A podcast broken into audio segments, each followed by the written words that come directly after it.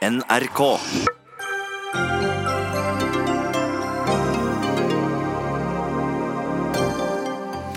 Oppdrettsnæringen kunne unngått den pågående laksedøden i Nord-Norge om de bare hadde lagt om driften, hevder Miljøpartiet De Grønne. Men Miljøpartiets eh, kjappe løsninger de finnes ikke, svarer både forskere og næring. Sentrum-venstre-tankesmien Agenda vil ta utviklingsministeren i skole og vise ham hvordan han skal bruke alle bistandsmilliardene sine. Populister, liberale og grønne partier jubler etter EU-valget, mens de etablerte partiene slikker sårene. Bør norsk ja- eller nei-side være mest fornøyd etter dette valget? Og konfirmasjonssirkuset det har gått av hengslene, på tide å droppe hele greia, mener far. Hva mener kirken om det forslaget, mon tro?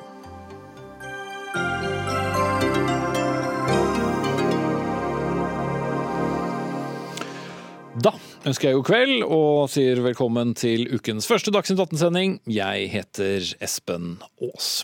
Og vi starter denne sendingen i nord. For 7,7 millioner laks er nå døde. Flere oppdrettsselskaper må permittere sine ansatte, og hele næringen er i kriseberedskap etter den store algeoppblomstringen i Nordland og Troms. Og Toine Sandnes, du er fiskeripolitisk talsperson i Miljøpartiet De Grønne. Du sa til TV 2 i helgen at oppdrettsbransjen den er nødt til å ta mye ansvaret selv for at denne krisen har oppstått. Hvorfor det? Ja, Jeg sa vel ikke akkurat at de måtte ta alt ansvaret sjøl, men Nei, jeg sa ikke det, men mye ansvaret. Ja, mye ansvar, ja. Ja, det stemmer det. Det som skjer nå, det er en dyretragedie. Og vi er nødt til å snu hver en stein, har jeg sagt, for å finne ut kunne noe annet vært gjort for å unngå denne situasjonen. Kunne vi hatt en annen måte å drifte oppdrettsnæringa på som gjorde at vi ikke var så sårbare for det som har skjedd nå. Det har jeg sagt. Mm. Og hva mener du da oppdrettsnæringen burde gjort annerledes? Nei, jeg tenker at uh, når det som har skjedd nå, har skjedd at det er 7,8 millioner uh, laks som er døde, uh, så må næringa gå i seg sjøl og si kunne vi ha gjort ting annerledes. jeg hører de si at algeoppblomstring er noe som skjer årlig, og det har de helt rett i. Men, men, når man drifter på en sånn måte at man er så sårbar at det her kan skje, så må man kanskje være villig til å spørre seg sjøl kunne vi ha gjort det her på en annen måte? Kan vi drifte på en, på en annen måte for å unngå det som har skjedd nå? Ja, men hva, hva da? Vær konkret. Hva, hva tenker du du skulle gjort annerledes som gjør det mindre sårbare? Ja, jeg tenker at uh, Miljøpartiet De Grønne har, uh, har uh, sagt i flere år at vi ønsker at man skal gå over til lukka anlegg. det er lukka anlegg som er under planlegging i dag, det er lukka anlegg under planlegging i andre land. Og vi må være mer villige i Norge til å se på hvordan man drifter denne næringa, som er stor, og som faktisk ønsker å vokse sjøl. Næringa sjøl og myndighetene har en, en, ambisjon om at næringa skal bli femdobla. Men faktum er at næringa får ikke til vekst. Eh, har ikke hatt vekst på de siste årene.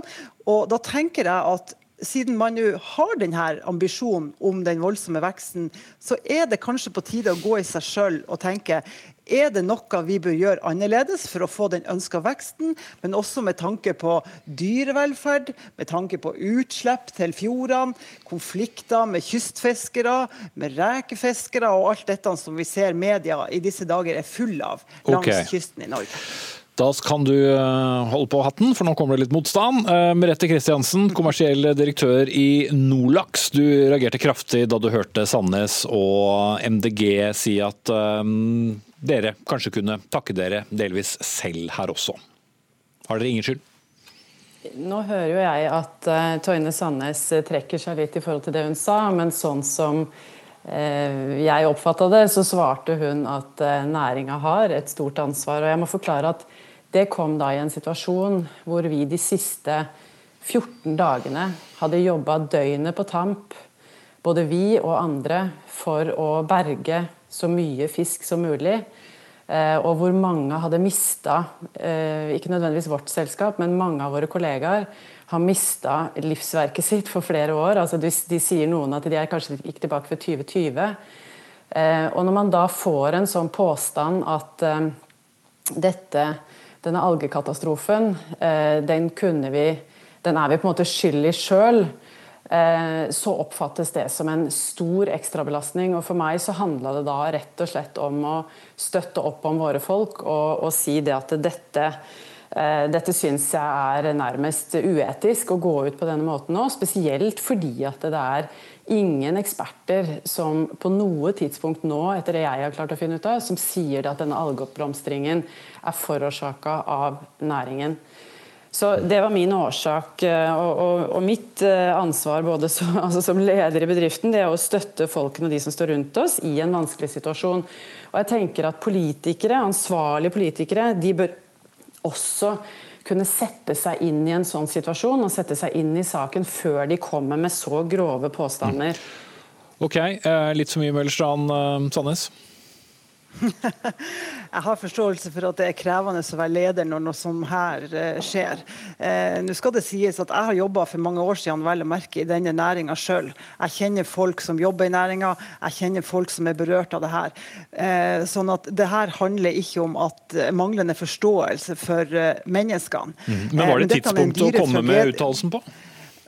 Ja, vet du hva? Jeg synes på en måte det er en avsporing. for det, det, er jo ikke rimelig at en politiker skal sitte og vente på at en forurensningssak skal gå over, før man kan kommentere det.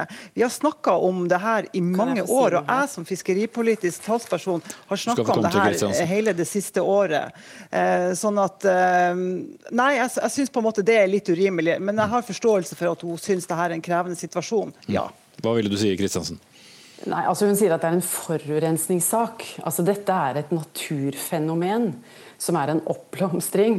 Altså Det har ingenting med forurensning å gjøre. Og Når du bruker sånne ord, så er det igjen på å stigmatisere næringen og nærmest hinte til at dette er vårt ansvar. Dette er et naturfenomen som alle er enige om at det er mange årsaker til.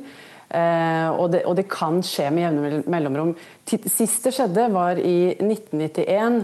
Da produserte vi ca. 130 000 tonn laks. Nå produserer vi tigangen. Det har altså ikke skjedd i mellomtida. Så at jeg tenker at Det går an å tenke seg litt om før man igjen både bruker begreper som forurensning og at dette er vårt ansvar. Mm. Men bare for å ta med den biten da, Sandnes har jo fått støtte bl.a. fra tidligere regiondirektør i Fiskeridirektoratet i Trøndelag, Alf Albrigtsen, som ikke kunne være med i sendingen. Han sa i Fiskeribladet forrige fredag at denne algeoppblomstringen er en villet katastrofe som aldri kunne skjedd i Trøndelag, for der er det strengere regulering eh, som fører til færre anlegg og mindre utslipp av næringssalter. Hva sier du til det? Jeg vet ikke hva han baserer det på. Etter min kjennskap så har vi jo i, i Nordland og Troms eh, færre anlegg mange steder enn det man har lengre sør. Så jeg kan ikke si at jeg kjenner meg igjen i den situasjonen der. Og næringssalter som han trekker frem, kan det men Nå må du vente, Sandnes. Eh, men altså disse næringssaltene som han eh, trekker frem, Kristiansen, kan det føre til en økt eh, algeoppblomstring? Nå er det jo ekspertene som skal svare på det. Det jeg har klart å, å, lese meg fram til nå, det er at eh, det har vært gjort masse tester på dette, også i, bl.a. i Hardangerfjorden, etter det jeg har klart å se. Og det er ingenting i de testene som tilsier at den, de næringssaltene som kommer fra laksen, er nok til å skape en sånn oppblomstring. Men igjen, det er fagfolkene som må svare mm. på det, og det bør man jo evaluere. Eh, Katrine Tveiterås, du er dekan ved Fakultetet for biovitenskap, fiskeri og økonomi ved Universitetet i Tromsø, Norges arktiske universitet. Dere startet da i dag et prosjekt for å forske mer på de algene som akkurat nå tar livet av så mye fisk. Kan dere i dag si noe om hva som kan være årsaken til oppblomstringen? Nei, altså det vi vet er at uh, Algeoppblomstring har vi hvert eneste år, og at enkelte mikroalger kan bli giftige. Det har skjedd tidligere, det er det vi ser nå, og det kommer til å skje igjen. Men vi vet ikke med sikkerhet hvorfor, og derfor er det behov for mer kunnskap. Og Det prosjektet som vi helt riktig starta i dag, det går ut på å samle prøver både før og under og etter algeoppblomstring, og også da ta prøver på andre miljøfaktorer som f.eks. næringsstoffer, men også sesongvariabler, for å kunne bedre kartlegge hvilke endringer vi ser i økosystemet. Mm. Bruk Ja. Eh, bare skyte inn for dere som ser, følger eh, denne sendingen på fjernsyn, så står det dessverre nå helt feil tittel på deg som, eh, som, snakket nå, Katrine Tveiterås. Men når det gjelder da denne påstanden, eller antydningen snarere, om en sammenheng mellom næringssalt fra oppdrettsnæringen og oppblomstringen av alger, kan det være en sammenheng? Altså, eh, Økosystemet er i, i, endring. Eh, og det er klart at endringer av næringssalter påvirker økosystemet. Men det er i økosystemet så er det både naturlig variasjon og så er det menneskelig påvirkning. Og vi vet ikke i hvilken grad den menneskelige aktiviteten påvirker de naturlige relasjonene. Så Derfor er det for, det er for tidlig til å både spekulere og skulle også si noe om årsaken til laksedøden. Mm. Eh, når det gjelder da forskning rundt lukkede lukkede anlegg som uh, Sandnes snakket om innledningsvis, kan det ha uh, noen påvirkning på begrensning uh, eller ikke av f.eks. algeoppblomstring? Altså, ville det være en tryggere form for oppdrett? Hmm. Altså det har mange problemstillinger. Når det gjelder akkurat dette med algeoppblomstring, så vil man ved lukka anlegg kunne ta vann fra dypere ned Eh, som, som da er liksom under algene. Eh, samtidig så vil det være kaldere vann, ha mindre oksygen og ha en del andre produksjonsbiologiske utfordringer. Men jeg tror et mer eh, liksom, forventa utkomme av det prosjektet som vi driver med nå, det er at vi vil kunne få en en bedre overvåkning for å kunne være, gjøre bedre, få early warnings, kunne gjøre tiltak og også eh, ha en, en riktig beredskap. Og Hvis det da skulle vise seg at årsaken er noe som kan reguleres, så er jeg viss på at både næring og forvaltning og andre vil gjøre det de kan for å, å, å ordne på det. Mm. Forskningsprosjektet starter altså i dag, så vi må vente på de konklusjonene. Tom Christer Nilsen, stortingsrepresentant for Høyre og medlem av næringskomiteen. Du er med oss på linje fra Bergen. På din Facebook-profil dag kan vi lese at du ble sint av det Toine Sandnes sa om algeoppblomstring. Eh, hvordan opprørte det deg? Nei, Det opprørte meg eh, både på en måte faglig og menneskelig. Eh, det opprørte meg fordi eh, jeg så mennesker som var midt i en situasjon der de jobbet dag og natt for å redde, redde bedriftene sine, og redde, redde, laksen, og redde inntekten og redde arbeidsplassene sine. Og jeg så mennesker som, som vet at de mest sannsynlig skal ut i permittering i løpet av, av denne sommeren fordi at det har dødd så mange fisk at det ikke lenger blir arbeid nok i en del av slakteriene. Og Da, da, da, ble, jeg, da ble jeg oppriktig litt, litt sinna fordi jeg eh, syns at dette var forferdelig dårlig timing og forferdelig ufølsomt. Og jeg må bare si at når jeg hørte TV 2-intervjuet, så var det mer av en spekulasjon rundt om dette kunne være havbrukets skyld, enn om dette var slik det ble fremstilt nå, at man bare tenkte på hvordan kan vi eh, finne bedre løsninger på, på dette. For jeg, jeg, er jo helt enig. Vi må jo finne mer kunnskap om, om dette. Men eh, det å kjøre ut nå og begynne å si at eh, Og ikke være interessert i liksom, hvorfor dette skjer, men bare være interessert i det fordi at man, eh, hvis det eventuelt er skyld eh, er havbruket som er skyld i det. Det syns jeg var uh, feil tidspunkt, feil formulert og fullstendig feil faglig. Mm. Sandnes? Ja, øh, øh da vet jeg liksom ikke helt hva jeg skal svare. fordi jeg har jo hele tida vært eh, sagt at jeg er veldig opptatt av hvorfor dette skal skje. Eh, og jeg er veldig glad for at det nå settes i gang et prosjekt som skal finne mer svar på det her. Det er jo et faktum, da, det må jo alle tre på linja her være enige med meg om, at oppdrettsindustrien slipper ut enorme mengder avfall hvert år. Eh, en artikkel i Dagbladet har, at, uh, gjennom, har fått havforskere til å beregne at i 2017 så ble det sluppet ut 450 000 tonn næringssalter, som da, for de som ikke forstår språket her, egentlig er møkk og dritt. Og, og man må jo kunne være åpen for at det her kan gi eh, konsekvenser i en, i en, liten biologi. For mye av det vi snakker om her nå, det er jo fjorder som er omtrent lukka. Altså Nordnorske fjorder, sånn som Ofotfjorden, som nesten ikke har vannutskiftninger. Sant? Litt ulikt hvordan det, hvordan det, er på Trøndelag, sånn som jeg skjønner det.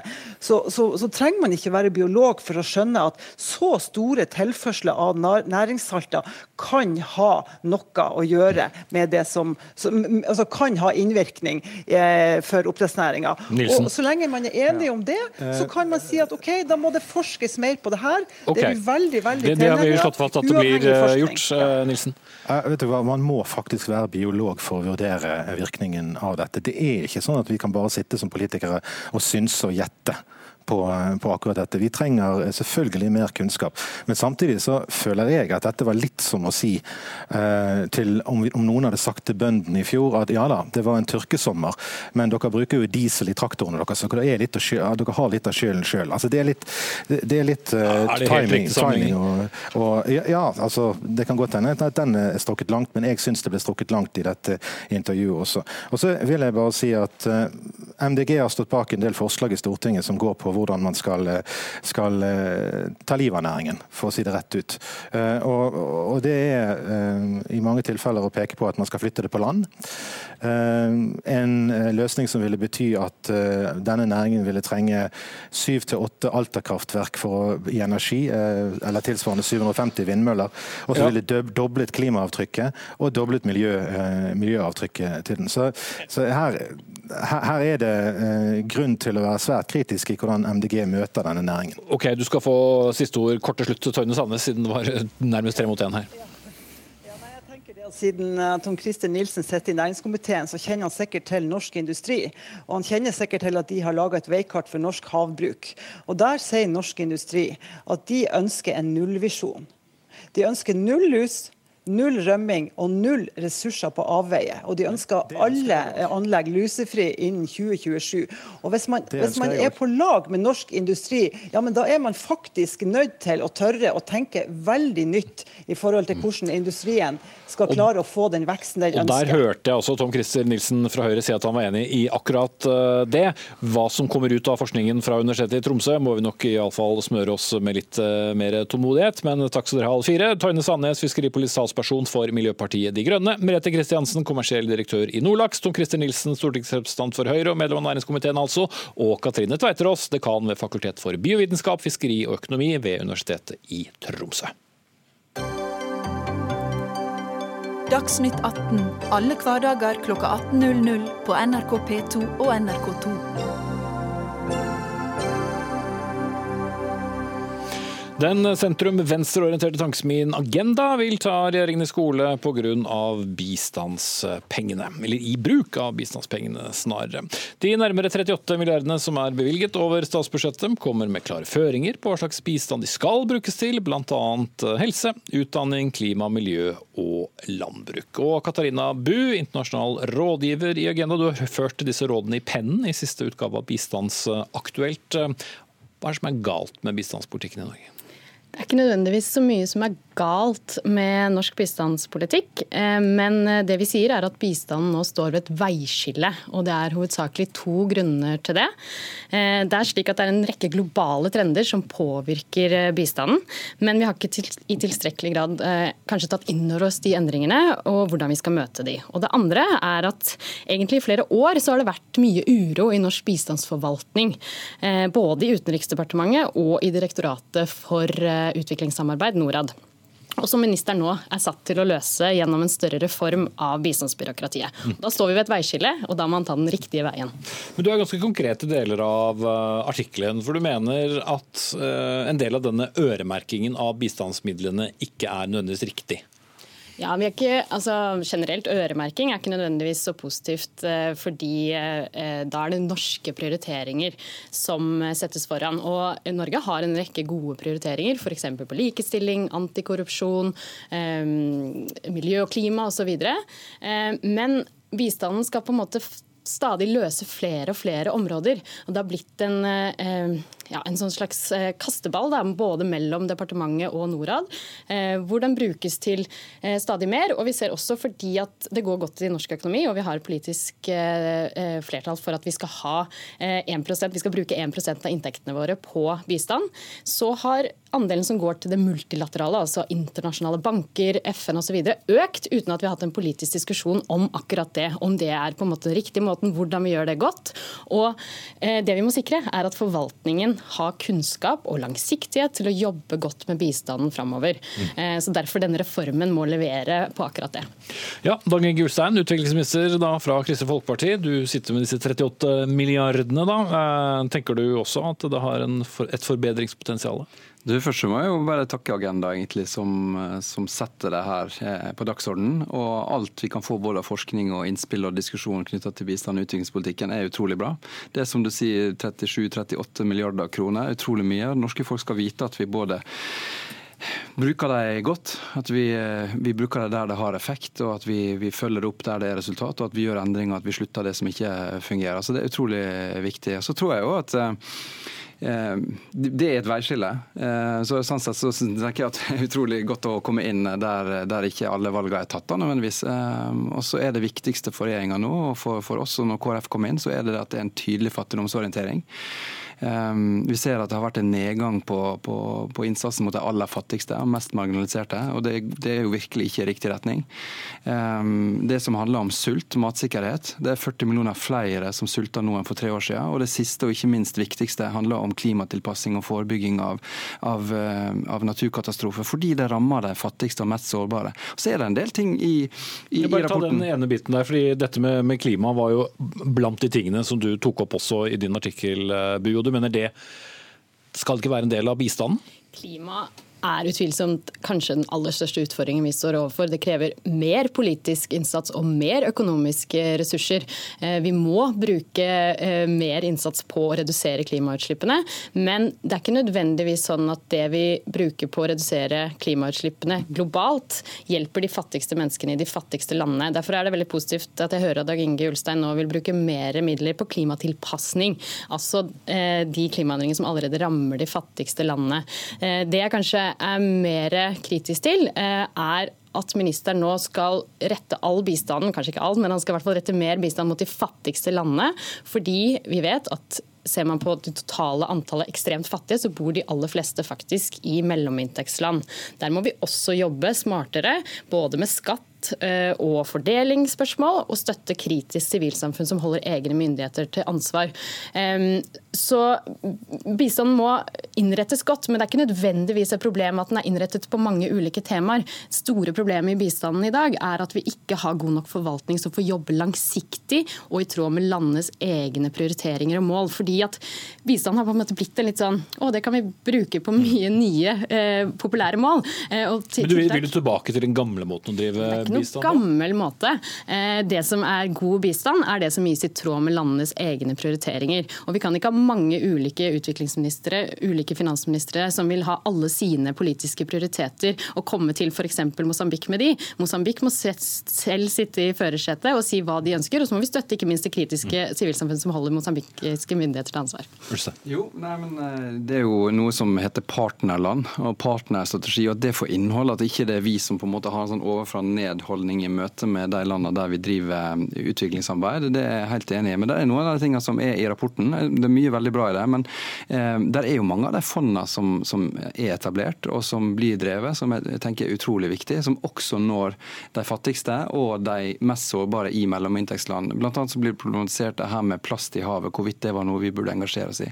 Er det noe vi vet vi trenger, så er det flere jobber. Vi trenger mer energi, og vi trenger mer mat. Og det må komme fra andre kilder. Så når det er mer plast enn fisk i havet, sånn som vi ser nå, så er det klart at den innsatsen vi har, som norske regjering har vært med å bidra til de siste åra, har jo satt, gitt det oppmerksomhet, og, og, og, og, det kommer til å nå utrolig langt. Og Havet er jo bare ett av de områdene. og Så kan det hende at det, har vært liksom politikere opp gjennom tida som på en måte har vært litt vel gira på liksom å få sine liksom, kongsforslag på agendaen og etablert fond før en vet at de både kan absorberes og at det, det, blir fulgt opp godt. og Det må vi passe godt på. Eh, vi skal ikke etablere veldig mange nye program. Vi, vi tror at det er nettopp det. Fattigdomsorienteringa, det som handler om sult og matsikkerhet, og klimatilpassing og, natur, eh, og forebygge naturkatastrofer. Det er noe av det viktigste vi kan gjøre for å nå de som, som, som trenger det aller, aller mest. Mm. Men hva med faren for å gjøre land da avhengig av norske bistandsmidler? Ja, jeg vet ikke at Bistanden eh, det er bare en veldig, veldig liten del av det som skal til for å nå bærekraftsmålene målene, som sånn sett er veikartet for mange, eh, skal være for mange.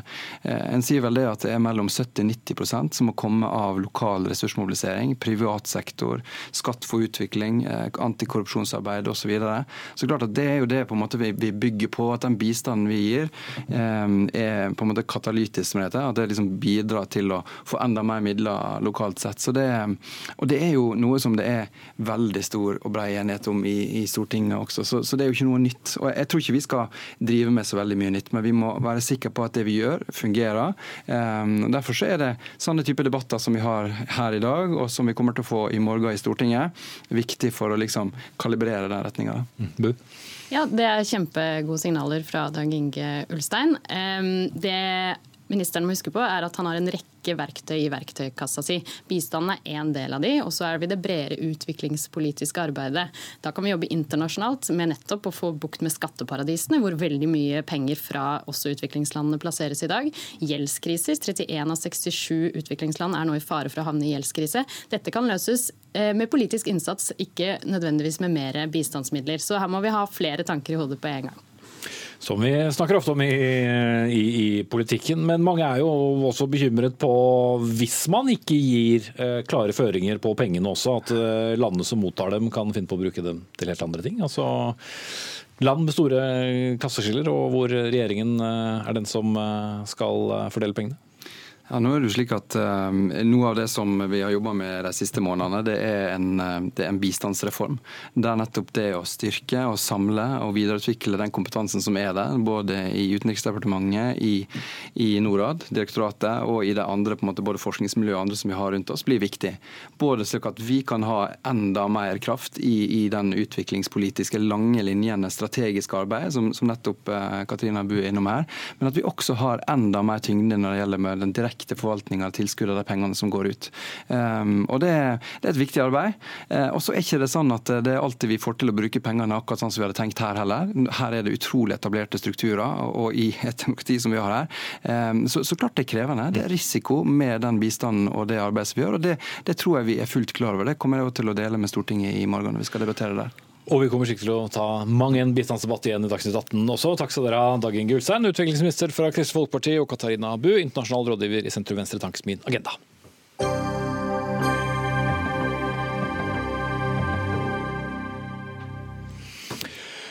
Det har blitt delt ut uh, tusenvis av kroner, for ikke å si millioner, til alle konfirmantene denne våren. Senere i sendingen skal vi møte faren, som mener vi bør kutte ut hele konfen. Men uh, nå skal vi snakke om uh, et ganske omfattende EU-valg som har pågått i de 28 medlemslandene siden torsdag, og det er mildt sagt et sammensatt bilde som utkrystalliserer seg. Mange småpartier, både på høyresiden og blant grønne og liberale partier, har økt formidabelt, mens mange etablerte partier har falt. Den eh, største gruppen er foreløpig sentrum-høyre-gruppen EPP, men eh, er avhengig da av å kunne samarbeide med andre. Og Europakorrespondent Philip Lote i Brussel, du har fulgt både valgkamp og opptelling. Er det noen vinnere egentlig i denne, eh, dette EU-valget?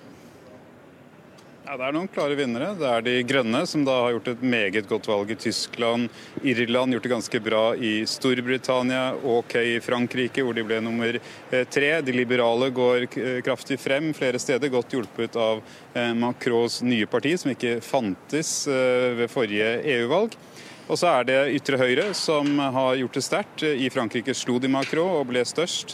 Det ble de også i forrige EU-valg, så dette er en gjentagelse av en slags europeisk suksess for et EU-kritisk parti ledet av Marine Le Pen.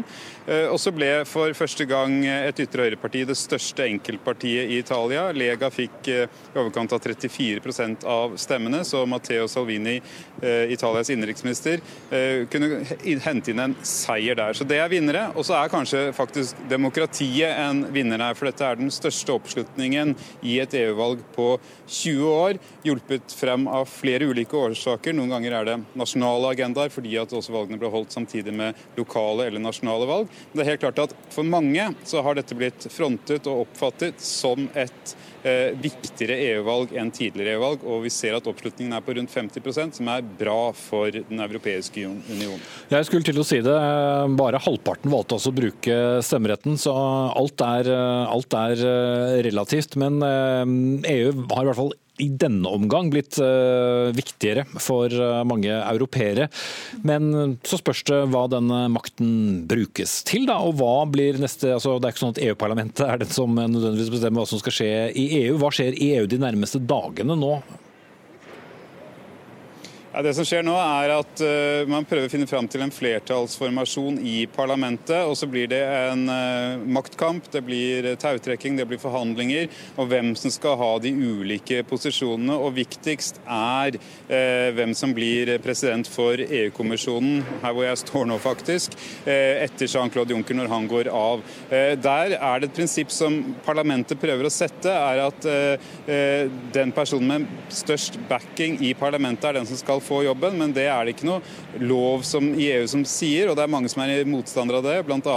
Emmanuel Macron, som mener at eh, man sammen må finne fram den beste kandidaten, og at kanskje EU-rådet, altså toppmøtet i EU, er de som skal peke ut en leder, og så får eh, EU-parlamentet godkjenne det etterpå. I morgen så kommer det et toppmøte sammen her i Brussel, et ekstraordinært toppmøte for å diskutere veien videre etter dette EU-valget. Eh, men vi kan se at det er en slags ny konstellasjon her, hvor de grønne får mer innflytelse, eh, hvor de liberale får mer innflytelse, så vi får et større forlik enn det som har vært før. Det er ikke lenger kun sosialdemokratene og de konservative som kan fordele makt og innflytelse seg imellom. Mm. Takk skal du ha, europakorrespondent Philip Lotem. Guri Rosén, førsteamanuensis ved Handelshøyskolen Oslo. Oslo Met. Eh, blir det et valg som skriver seg inn i EU-historien? Ja, det tror jeg.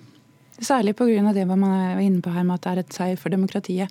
Nå er jeg litt usikker på i hvor stor grad man skal ta det som inntekt for et seier for demokratiet, men at valgdeltakelsen går frem, det er helt klart nytt. For den har bare falt gjennom alle år? Den har kun falt gjennom 40 år. Og nå for første gang har den gått opp fra 42 til 50% Det høres kanskje ikke så mye ut i nasjonal sammenheng, men for EU så er det mye. Mm.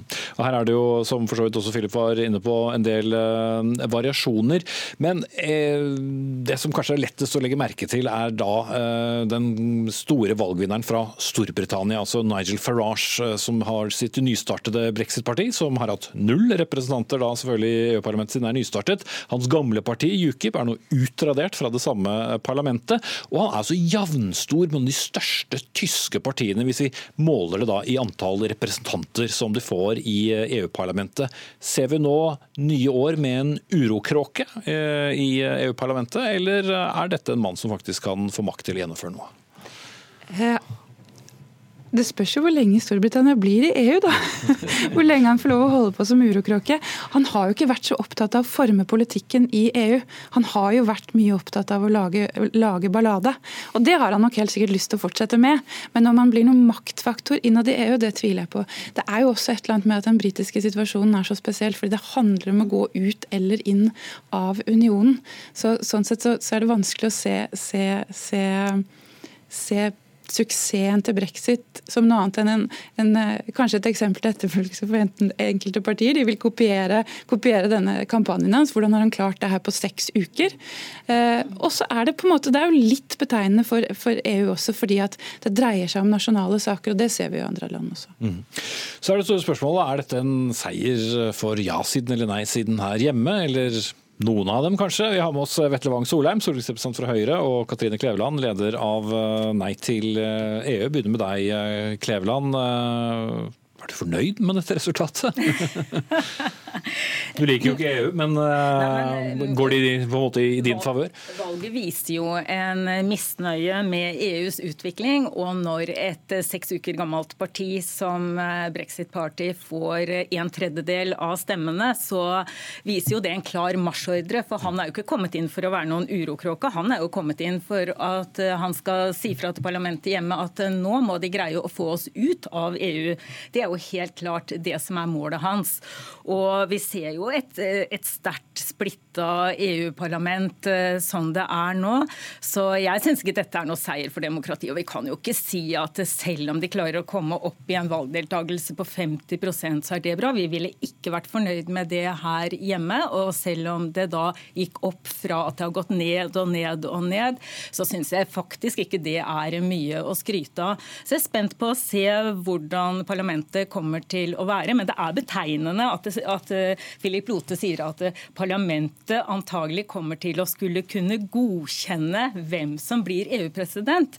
Det er jo et parlament i EU som ikke har mye demokratisk makt. La oss ikke ta den biten, men holde oss til valget. Vetle Wang Solheim, da jeg snakket med deg på telefonen tidligere i dag, så var du i hvert fall begeistret over at den konservative blokken da, som, som du tilhører, fortsatt er størst. Men det er noen utfordringer som venter her. Ja, det er det. Jeg skal gjerne sett at Norge òg var med på dette valget. da. Jeg tror at våre moderate stemmer har gjort det godt. Men jeg er veldig glad for at EBP fortsatt er størst. Det er fortsatt den ledende kraften i, i EU. Jeg mener at det er bra at valgdeltakelsen går opp. Det at flere avgir en stemme er jo mer demokratisk. Det er bra. Men så ser vi nå en, en, situasjon der de to store partiene som er vant til å ha flertall, ikke har det lenger. Eh, koalisjonen, ja, koalisjonen må bygges større nå mellom fire partier. Eh, og Vår førstekandidat Manfred Weber har gått ut til alle fire og søkt samarbeid eh, inn i Europaparlamentet. Ser man på de fire pro-EU-partiene sammen, så har de gått etter sånn som ligger nå, fra 522 til 503. Så Det er ikke et stort tilbakesteg for dem som er pro EU. Jeg synes at Valget her har vært en seier for EU. for at De største eh, skremmebildene på hvor stor ytre høyre skulle bli, har ikke slått til. De har holdt det ganske lavt, med et par unntak, f.eks. Frankrike og Italia. Og så er jo dette en broket forsamling. Eh, de kommer inn med ulike eh, ideologier. De i nord er gjerne markedsliberalistisk, de i sør gjerne mer proteksjonistisk. De er kanskje enige om innvandring, eh, men ikke så mye annet. Noen setter religion høyt, noen gjør det ikke. Og så er det interessant å se at de ytre høyrepartiene som nå stiller, før var de veldig mot EU. Vi må vekk med EU. Nå sier ingen det lenger. De er for euroen, de er for den europeiske sentralbanken, de er for felles grense- og kystvakt, de er for en stabiliseringsfond for land som sliter. Så de er nå mer på det at de ønsker å reformere EU innenfra, i stedet for å gå i motstand med EU, med unntak da av brexit-partiet i Storbritannia, der bare 37% stemt. Men uansett, 29 av 751 representanter kan vel neppe føre til noen, til noen revolusjon. Men eh, Kleveland, eh, enten du liker det eller ikke, eller vi liker det eller ikke, alt ettersom, så vil jo dette få betydninger også på sikt for, for Norge. Og hva, hva, vil Nei til EU følge mest eh, på av eh, partier fremover her, da? Det er jo ikke så mange Nei til EU-partier, som, eh, som Solheim sier. Nei, Vi følger jo med på det som skjer i EU generelt. og Jeg pleier jo å si at EU holder oss virkelig i arbeid med alle saker og ting som vi får via EØS-avtalen. Så Vi er jo spent på nå hvem det er som får presidenten, hva det er som skjer. Men jeg er jo veldig glad for at det norske folk er veldig klare på at de ikke vil inn i EU, og at vi kan markere 25 år siden nei-seieren i 1994. Ja, da Har fått noen kamp der med det første, ser det ut som? Nei, det gjør vi ikke. Men jeg vil heller ikke overdrive faktisk hva dette dette betyr eh, for eh, parlamentsvalget nå. Selv om du får inn en del EU-kritikere, så, så, vil jo antagelig prosjekt EU med stadig mer integrasjon, eh, større union på felter som vi er veldig kritiske til, bare fortsette å skje. Det er jo jeg redd for. At det vil fortsette på energifeltet, at det fortsetter på arbeidslivsfeltet. At, det, at EU stadig vil bli mer, mer og mer union, på tross av de kritiske politiske kreftene. Det er jeg bekymra for. Mm. Hva tenker du Solheim, som en eh, pro EU-mann? Eh, så Vi er jo først og fremst spent på om, om, EU vil endres, og om det vil mm. være godt eller dårlig nytt for Norge. Ja, Det er jo en del saker som står og venter på hvordan valgresultatet kommer til å bli. Jeg tror inntoget av de grønne kommer til å gi en, et kraftig eh, opptrykk på klimapolitikken. Mange unge som stemte, har også stemt for en bedre klimapolitikk. Det er bra. Der er EU ledende i verden, og det henger Norge seg på. Eh, det kan jo bli mer overnasjonalitet, så det kan jo få en del utfordringer, tror jeg. Eh, vi må stå sammen om å løse klimaproblemet. Arbeidsmarkedspolitikken, der har jo EU-parlamentet kanskje vært med på å tatt litt ned de største paneuropeiske overnasjonale visjonene som kommisjonen har hatt. Eh, og så går det også på innvandring, grensekontroll og forsvar. Der tror jeg Norge kommer til å bli utfordra. Vi ser det allerede i dag med et forsvarssamarbeid som vi er veldig interessert i å være med på, som skal utfylle Nato. Og vi ser det på grensekontroll, fordi at når det presses mot Europa på alle kanter, så må vi stå sammen for å løse det. Eh, og Der er det også skillelinjer, både internt i Norge, men også innad i Europaparlamentet. Mm. Kort til slutt, Rosén. Altså, det store usikkerhetsmomentet her er altså Storbritannia, som har til sammen 10 nesten av stemmene. Men hvis de går ut av EU, skal da også parlamentsmedlemmene trekke seg ut, og skal det da fordeles på de resterende 27? Det blir også litt av nøkkel da, med den regnbuen av partier som utgjør det parlamentet. De er allerede valgt, så de står og venter på at Storbritannia skal trekke seg ut. Mm. Da blir det også færre eh, representanter i Europaparlamentet totalt, men det blir en ny sånn reshuffle innad, ja. Det, Det, og det er jo interessant at Brexit-partiet, som er så gira på å få Storbritannia ut av EU, er det som, hvis de går ut, vil gi mer moderate krefter i Europaparlamentet. Mm. Veldig spennende. Takk skal dere ha. Eh, Vetle Wang Solheim, stortingsrepresentant for Høyre, Katrine Kleveland, leder av Nei til EU, og Guri Rosén, førsteamanuensis ved Handelshøyskolen Oslo MET. Og får dere ikke nok av EU, se på Debatten på NRK1 i morgen, der nettopp EU er tema.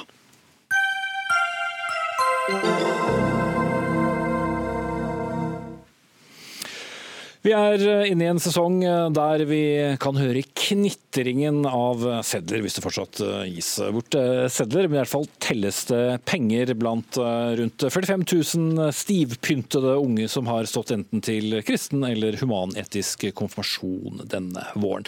Men hva er poenget med konfirmasjon, og har det hele blitt et sirkus med morsomme prester, kule kurs og mest fokus på penger.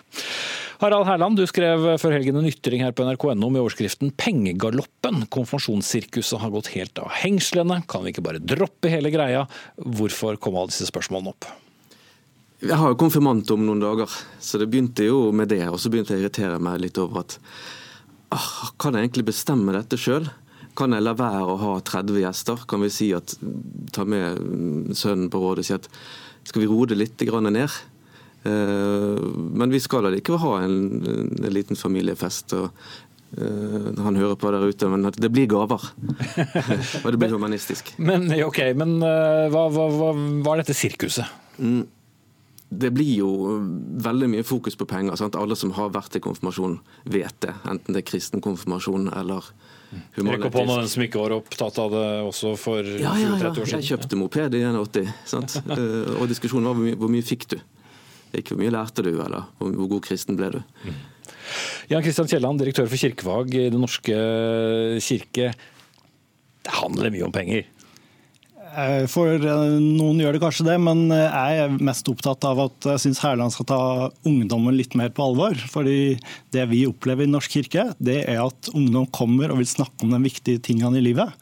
Og når man spør konfirmanter hva vil dere snakke om, så er de to temaene på topp. Det er vennskap og det er mening med livet. De vil snakke om relasjoner.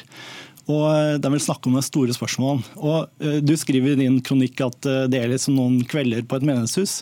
Men konfirmasjonen i Norsk kirke det er 60 timer. Da rekker man å bli kjent. Da rekker man å åpne det trygge rommet og, og snakke om viktige ting som ungdom har med seg videre gjennom ungdomsårene. Og Det er det vi i Norsk kirke er mest opptatt av. Å åpne det rommet og, uh, på konfirmasjonsdagen og be for ungdom. Og det er jo noe flott.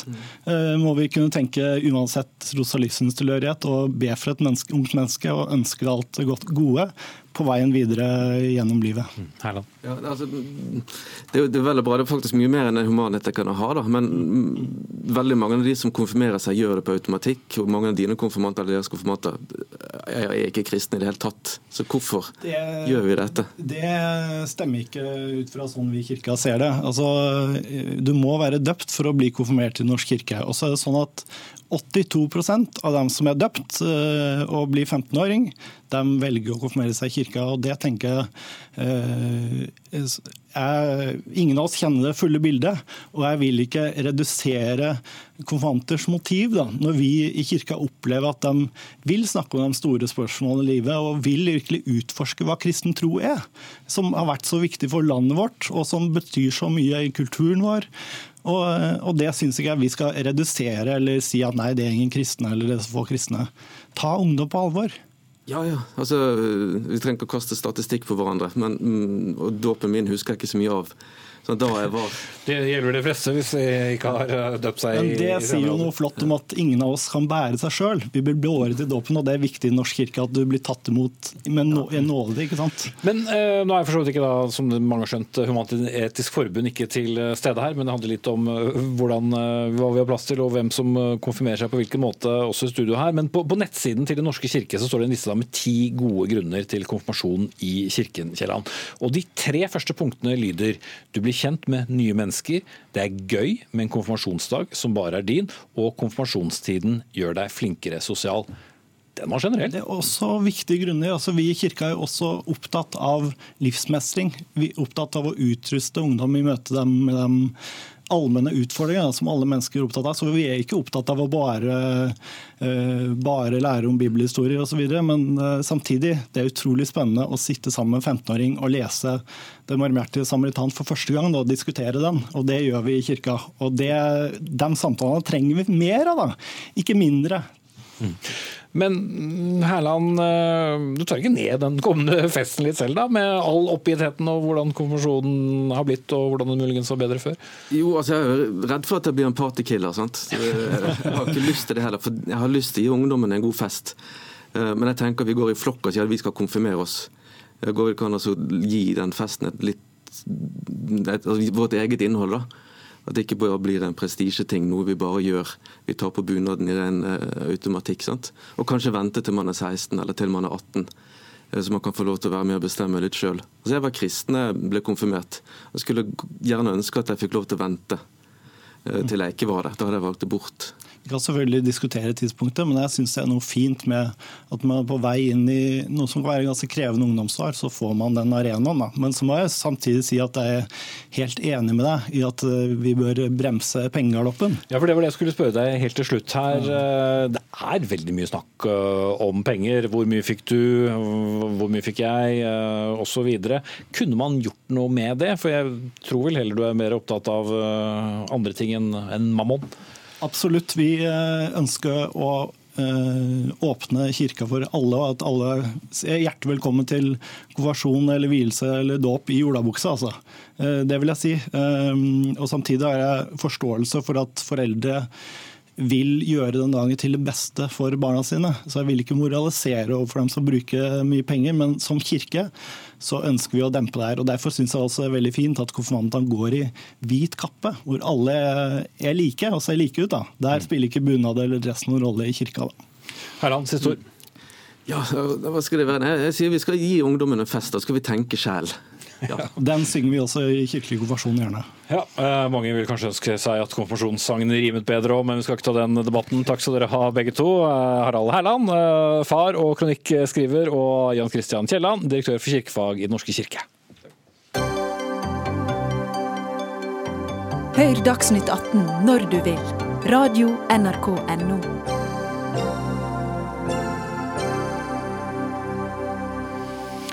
Kylling i en eller annen variant er populær, billig og enkel norsk mat. Men selv om maten for mange er velsmakende, hvor godt hadde kyllingen det før den havnet på tallerkenen gjennom sitt ganske korte liv i matindustrien? Theodor Bru, nasjonal talsperson for Grønn Ungdom. Ditt parti ønsker å reformere kyllingindustrien. Det høres jo nesten litt sånn luthersk ut hele, men hva, hva er det du mener med at uh, noe må skje med denne kyllingen? Kyllingindustrien? Nei, det handler om at vi tror at nordmenn flest eh, ønsker at kyllinger skal leve gode liv uten å bli behandlet som rullebåndsobjekter, og at det da er helt rimelig å stille en krav til næringen at enten så omstiller dere dere, eller så må dere avvikle. Mm. Men mm. den vanligste kyllingen i Norge da er den som heter Ross 308, for dere som ikke visste det. Hvorfor mener du at den kyllingen ikke har det bra sånn som Greia, de, produksjonen fungerer. De, de kyllingrasene som er vanligst i Norge i dag, Ross 0308 er et kroneksempel på den, de er avlet fram for å være tjukke og feite og vokse fort på, på kort tid. Og være gode å tygge på, og ikke avlet fram for å ha det bra. Og Miljøpartiet De Grønne tar alltid dyrenes side og mener at dyr skal ha det bra i Norge, og det er først og fremst det de skal avles fram på. Og så må politikken eh, eh tilrettelegge seg til det. Margrethe Brandsæter, daglig leder i det som heter Norsk Fjørfelag, og også utdannet veterinær med doktorgrad om dyrevelferd for, for høns. Som lager kylling, da, for dere som lurte på det. Et politisk parti som ønsker å gi omstillingsmidler, slik at kyllingprodusentene kan la kyllingen få bedre liv. En vinn-vinn-situasjon?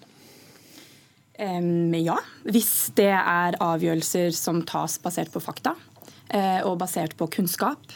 Ehm, og av politikere som har satt seg godt inn i hvordan næringen fungerer, så kan det være et tiltak som er nødvendig hvis man skal gjøre drastiske endringer. Og For å stille et veldig retorisk spørsmål, har du hørt noen politikere i dette rommet som du mener har satt seg godt inn i dette på forhånd? Eh, jeg velger å ikke kommentere på det. Men eh, for å være konkret, altså ut fra det eh, Bru sier, har han et poeng eller har han det ikke? Altså er, er Trenger norsk kyllingindustri en reform? Jeg vil si at norsk kyllingindustri på ingen måte trenger en reform. For det første så blir det veldig rart å snakke om det som industri. Eh, hvis vi skal snakke om hvordan kylling produseres, så gjøres det i Norge i dag på veldig mange ulike måter. Eh, vi har konvensjonell kyllingproduksjon, og vi har økologisk, og så har vi eh, varianter av det. Vi kan godt snakke om kyllingproduksjon, men hvis man skal snakke om industri, så vil jeg påstå at da må man se utenfor Norges grenser. Mm. Ok, Men vi har også sett disse bildene av masse kyllinger. Noen de, de vokser jo veldig raskt, som vel også er poenget for at de skal bli feite. Ikke alltid så klarer vel bære, bena helt å, å bære dem osv. Er det en produksjon hvor kyllingen har det godt? Jeg vil si at veldig Mange av de påstandene om at eh, kyllingen vokser for raskt, da har man ikke satt seg inn i kunnskapen. Eh, hvis dette forslaget hadde kommet for 20-30 år siden, så hadde det kanskje vært belag for det. Men det har skjedd så mye, både på avlssiden og på hvordan kyllingen holdes i dag, at eh, jeg vil si at dette er et forslag som kommer altfor sent, hvis det skulle hatt noen reell betydning. Mm? Jeg mener at det er ganske opplagt at hvis man presser 15 000 kyllinger inn i et sterilt lokale eh, og avler dem fram sånn at de kun skal leve 30 dager, og på den tiden blir så feite at nordmenn er eh, gira på å spise dem for en billig penge, så får du ikke god dyrevelferd med på kjøpet. Det, så det egentlig Grønn Ungdom og Miljøpartiet Grønne tar til orde for her, er ikke å legge ned all kyllinghold, men å si at den driften skal være, den skal være i tråd med med de verdiene vi har for å ta vare på dyra våre. Og det, og det er ikke i dag? Nei, langt ifra. Det handler om at rasen er usunn, som vi har vært inne på. Det handler om at eh, de ikke har tilgang på utearealer. Det handler om at det er veldig mange per kvadratmeter. Det handler om at det er for dårlig fôring. Det handler om at det er for eh, lite krav til det, til det holdet uh, generelt. Og at de som har sagt, de vokser så fort at de får skader på bein og organer, og i noen tilfeller omkommer under egen kroppsvekt. Og Dette er det brede fagmiljøer som er ute og sier. Og Grunnen til at eh, industrien som jeg velger å kalle det, går imot dette, er åpenbart fordi at de har jo egeninteresser i å, å ikke omstille seg. Men vi er gira på å gi omstillingsmidler til okay. de som vil drive på en annen måte. Her var det mange påstander som ikke er belaget i fakta, dessverre. Eh, for det første, sterile kyllinghus det fins ikke lenger i dag. Eh, det er mange som har dagslys. Det er det ikke noe dere har fått med dere, tror jeg. Eh, alle kyllinger i dag får vagler, de får sittepinner, de får strømateriale. De har muligheten til å bevege seg over mye bedre plass enn kyllingproduksjon alle andre steder i verden. 15 000 i en flokk, det er en liten flokk på verdensbasis. Så lykke til med å finne kylling som er produsert under bedre forhold. Ehm, dette med tetthet i Europa er det satt strenge regler for det. Norge er enda strengere. Og bransjen selv har tatt initiativ til et dyrevelferdsprogram som regulerer at det er kun de beste som får lov til å ha høy tetthet. Så her mener jeg dere ikke belager dere på fakta. Bru, ikke fakta? Det er klart vi belager oss på fakta. og vi, vi syns det er ganske irrelevant hvordan norsk produksjon er sammenlignet med andre land. Jeg skjønner virkelig ikke hvordan det er et argument at norsk produksjon er bedre enn noe annet i andre land. Ehm, og det jeg vil komme tilbake til, er det at jo, dette er en industri. Og Vi er opptatt av å bevare den delen av kyllingproduksjonen som er et landbruk, og legge vekk den som er et industri. Dagens kyllingindustri kunne i praksis, eller de kyllinghallene som det produseres i, kunne i praksis ligget under bakken under et parkeringshus i Oslo.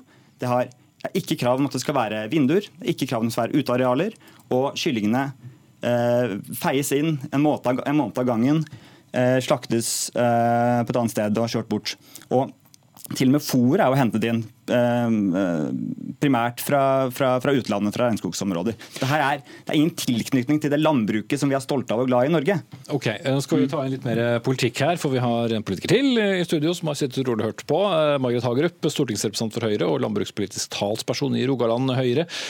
Dette kalte du kort og godt et forslag uten rot i virkeligheten, denne reformen fra din politiske motstander her. Hvorfor det?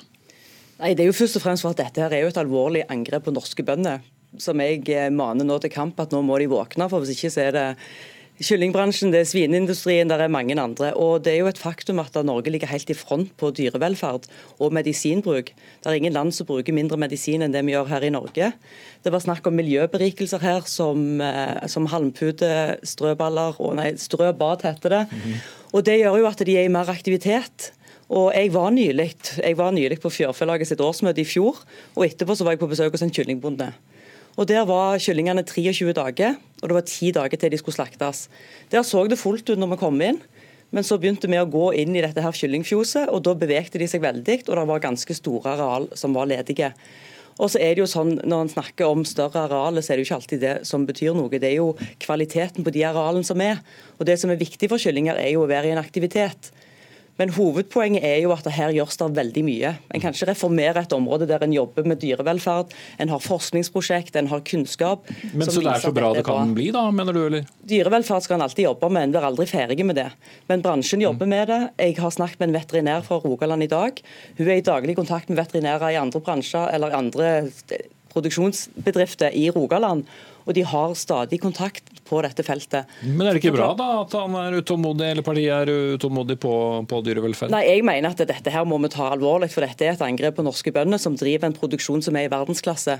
Og Hvis vi fortsetter med dette her, så står vi i fare for å legge ned en bransje basert på det som ikke er faktakunnskap. Og når vedkommende ikke har vært i et kyllingfjos og sier at ja, men hvis jeg hadde kommet der, så hadde det sikkert bare vært glansbilden som hadde kommet fram, så tenker jeg ta en runde innom og besøk bransjen og ler litt mer, så er jeg sikker på at vi kan finne bedre løsninger i sammen enn å snakke om reform. Er det riktig? Har du ikke vært på et kyllingfjøs, Bru?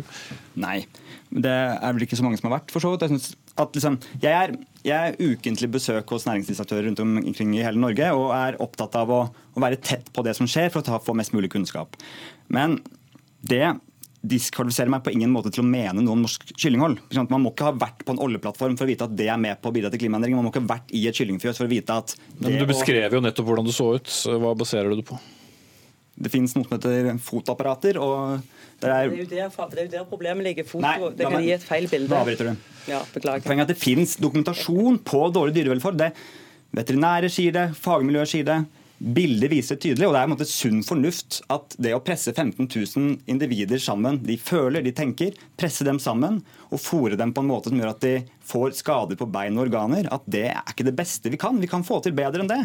Og liksom Jeg utfordrer Fjørfelaget på det. Jeg vil tro at dere har medlemmer som som driver økologisk produksjon og som driver etter andre, andre, andre mm, krav enn det som er kravene i Norge er, ikke, er det nyttesløst de gjør? da? Hvorfor skal ikke alle kunne tilpasse det? Det er tydeligvis fullt mulig. Nå er vel ikke økologisk og dyrevelferd nødvendigvis det samme, men bare for å plukke opp det, da, for da fant hun statistikk på av de 550 registrerte kyllingprodusentene ved årsskiftet i Norge, så var kun fire av dem økologisk. Hvorfor er det så få? Nei, For det første så er det jo ikke et marked for å produsere økologisk kylling. Og det vil være sløsing av ressurser å produsere et produkt som ikke blir solgt i butikken. Eh, så Det er egentlig svaret på spørsmålet ditt om hvorfor ikke det finnes flere økologiske. Når det er sagt, så er det kjempebra at det finnes produsenter som velger å ha ulike typer produksjonsformer, nettopp sånn at forbrukeren kan velge. Noen syns det er viktig med økologi, noen syns det er viktig med kortreist, noen syns det er viktig med pris. Dessverre er det altfor mange. Der har vi et stort problem. Mm. Så vi forventer å få billigst uh, ja. mulig mat, men vil gjerne se kylling ja. som hopper og spretter uh, ute etter fri. Men jeg må få lov å følge opp én ting han sa. Som, vi har ikke så mye tid, så jeg vil gjerne slippe til uh, Hagerup her først. det er Bare plukke opp det poenget med, med pris. fordi vi kan jo alle ønske oss bedre dyrevelferd, men plutselig så styrer vi en rekke kunder over grensen som heller velger å kjøpe en billigere kylling. ja, altså Import er jo et alternativ. og klart Hvis en skal ha økologisk produksjon, så går det utover arealet og det går utover fòrmengde. Og Det er jo òg en problemstilling mellom Ross 308 som ble nevnt, og Hubbard-kyllingen. Der er det jo fòrmengde som er med å avgjøre, og en del andre ting som er aktuelt å ha med i denne diskusjonen. Og på Jæren, der jeg snakket, de jeg snakket med i dag, de bruker Ross 308. For tallene viser at det er den beste dyrevelferden de kan gi til den, og det fungerer bra. Men en trenger kunnskap for å gå inn i disse her diskusjonene, og da blir diskusjonen òg bedre. Du skal få et uh, kort siste ord siden du er to mot én her, Bru. Det er to, ingen som setter seg mer inn i dyrevelferd enn Miljøpartiet De Grønne, og vi er det eneste som tar og snakker for dyra på Stortinget og i andre organer i Norge på en god måte. Så vi setter oss inn i saken, og det vet jeg at vi har jobbet med i mange år. Og interessant, og Du trekker frem Hubbard-kyllingen. Ja, Den har vi ikke tid til å komme inn på, Bru, eh, så den får dere ta på veien ut. Så får vi håpe at ikke det var en fjær som ble til. Ja, glem det. Takk til Marit Hagerup, stortingsrepresentant for Høyre. Uh, Margrethe Brandsæter, daglig leder for Norsk Fjørfelag. Og Theodor Bru, nasjonal talsperson for Grønn uh, ungdom. Da er vi ved veis ende. Ansvarlig for sendingen Jaran Ree Mikkelsen. Teknisk ansvarlig Espen Hansen. Og i studio Espen Aas. Ses i morgen.